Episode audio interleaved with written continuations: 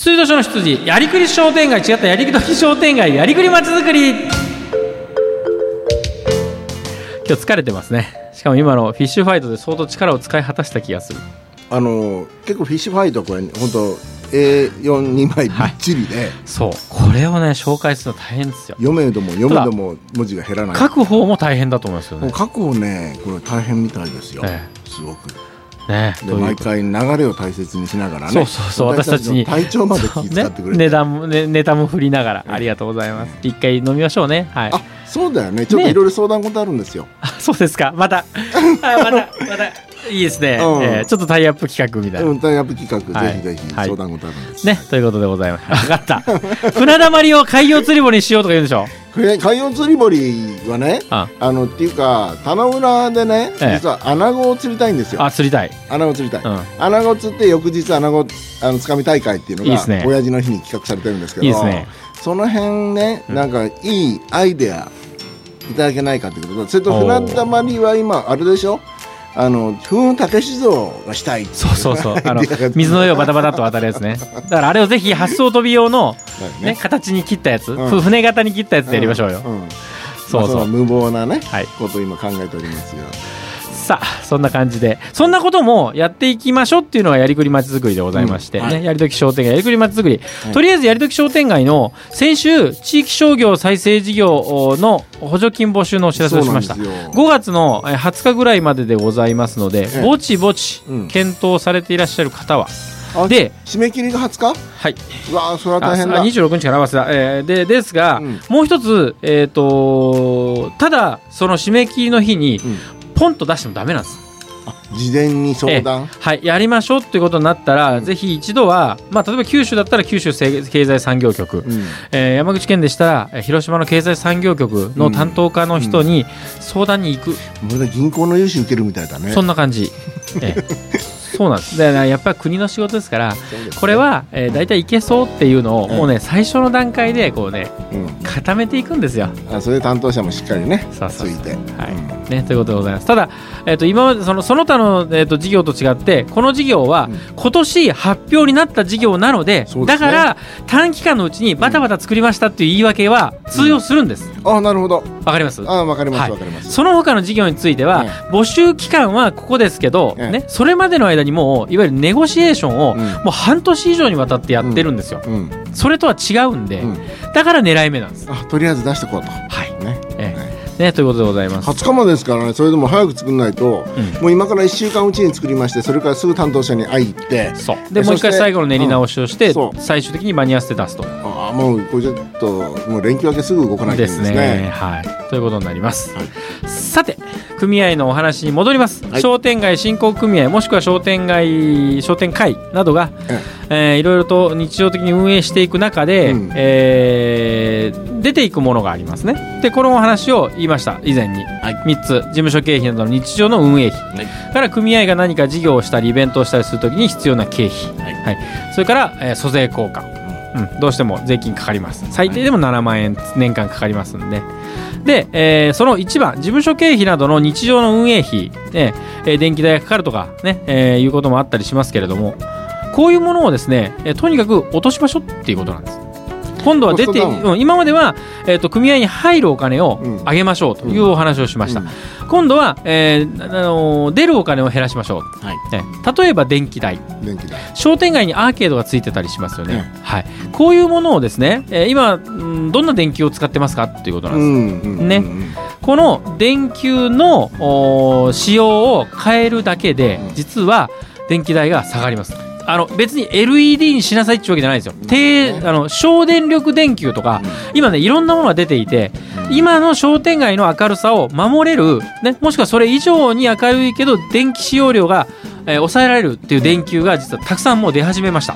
えこれをですね使う。しかもこういうものに切り替えるときは大抵何かのエコ系のうん。助成金が使えるんです、あなるほどね。はいでもあれですよ商店街といえばなかなか昔からのつながりがあってうん。何々電気屋さんがつけてくれてから、はい。私たちは手を出せないっていうのは結構ありますよ、その電気屋さんとうん。ちゃんとタイアップをして、うん。その電気屋さんを仲介してうん。できるようにすればいいんです、はい、これはねそうなのあの商店街の 請求の時に、通常は相見積もりを出せって言われるんです、でただしですねものすごい強い言葉があって、相見積もりはこのこの事業については取りませんでした、ね、理由書きをするとき理由書き相見積もりをしなかったら理由書きをつけることになってます、はい、で理由書きのところに、ね、この事業についてはあのー、相見積もりはしてません、うん、でその理由は商店街の中でずっと以前から電気の管理をしてくれている電気屋さんがあって、うん、で、えー、その人がその例えばいろんなデータを見せてくれて、うん、えー、その特別にあの利益を得ようと思って出していない数字を我々も一緒に確認をしました、だから、えー、これが一番いい方法だということでこの業者さんに、えー、いわゆる随意契約しました、ということを書けばいいんです。これね、うん、え商店街の中のお店だからこそもちろん通用するんですけど、ねうん、はい、あの商店街のことをやるのに、うん、他の業者さんが何でもかんでも安いからそっちに落ちてたら話にならないじゃないですか、うん、そうですね、えその時に功を奏するのが先ほどの理由書なんです、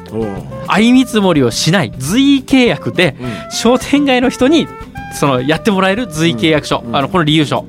これを書けばいいんですよ。あこれはやっぱり知っとかなきゃいけない。そうです、ね、はい、これも一つノウハウです、はい、はい、それから協賛を逆にね、えー、取っていくこと、はい、看板、ね、私は好きですよそれが、うん、例えば、うん、あのー、北郎ロードで有名な、ええ。えー、境港の、うん、ねあそこで北郎の像を最初100個作りました、はい、あ50個か、えー、100個、うん、であと60個増やすことになりました、はい、ね皆さんが、えー、大変に人気になってたくさん訪れてくれた、うん、でその60個増やすのにあれ1機がブロンズ像なんで、うん、1機作るのにやっぱ100万円ぐらいかかるんです。1個が100万円、うん、600万円集めなきゃいけない、うん、で、えー、都会に出て行った境港出身の社長さんのところに、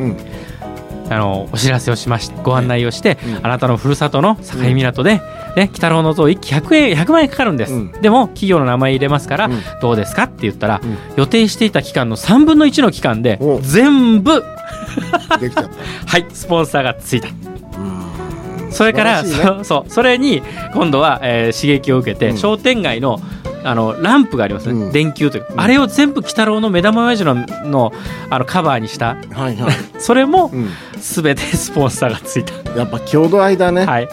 そういうふうにやっぱり応援してくださる方々にちゃんとメリットもね、うん、えー、まあ、メリットって本当のメリットじゃないですよねその広告のな、名前が入りますって言っても、だけど何かふるさとにしてあげたいとか自分の関係する商店街に何かしてあげたいと思う気持ちに応えられるものを用意してそれを協賛という形で。でちゃんと残るものにしてあげる。これもね一つの、あのー、いわゆる経費削減策なんですね。あの商店街でね、やっぱりよくあるのが俺たちのことをそういうふうにはあのー、人にこう、おねだりしてるようなことはいけんみたいな考え方があるんですよね。うんうん、ですね。うん、それはまあ一国一城の主が集まってますから、うん、でそれ以上に大切なのは、やっぱ我がふるさとを思う心をねやっぱり、ね満たしてある人は言い方は変なかもしれません、うんうんうん、それをに答えるっていう、ね、そうですね。その後しっかり答えればいいだけの話なんでね、うん、はい、さあそれから事務所の運営についてですが、はい、えー、もしお近くでもしくは市内で、うん、ええー、っと一人のそれぞれの商店街が一人の方を採用してて、はい、ね、事務員さんで事務員さんで採用してるけど、うん、この人実際にはまあ月のうち3分の1ぐらいしか仕事ないよなと思ったら、うんうん、3つの商店街で一人の人を雇えばいいんです。いいですね。はい、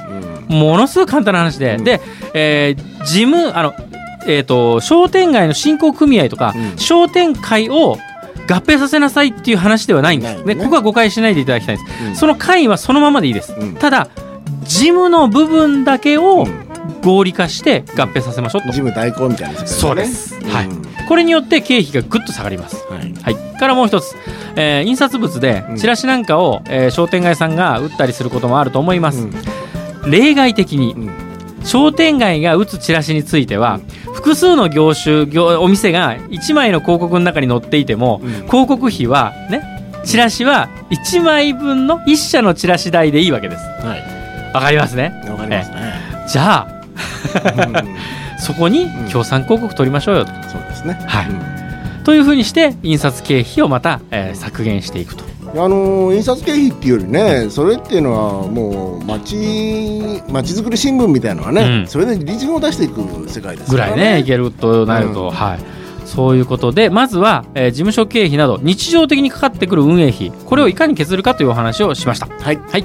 えー、でこの後のあの組合が運営する事業でイベントとか事業でどんなふうに経費を抑えていくのかとかいうことについては、秋田家大統領のマーケティング講座の中でいろいろ今出てきてますからもうこれはいいんです。はいマーケティングをしっかりやってくださいっていう話、ね、はい、租税効果もかかるものはかかりますからしょうがありません、うん、えただし一、つだけ忘れちゃいけないのは時間がないんで、えー、あれですけどあのー、助成金でやった、うん、あの手に入れた資産は1円資産なので、うん、後からその固定資産税の計上されないように、しっかり税務署と,、えーと、税理士さん。とですね話を、えーと通しておいていただくということが重要なんです。ああ税理士置いてない商店会もありますね、もあると思いますけどもね、うん、はい、その場合は場合は例えば、えーと、税金あ、えーと、助成金を出してくれた担当の部局と、うん、えー、合わせてあの税務署と、うん、えー、申告より前に打ち合わせをしておくと。はい、でこれは税あの、えー、助成金事業で手に入れた資産ですからこれは1円計上してくださいっていうふうに言っとかないと後から莫大な資産ね、うん、えー、固定資産税がかかってきます、うん、はい、そうなると何のための助成金事業か分かんなくなりますんでそのあたりが注意と租税効果の場合は注意ということでございます、はい、以上です。はい。やり続き商店街やりくりまつづくりでした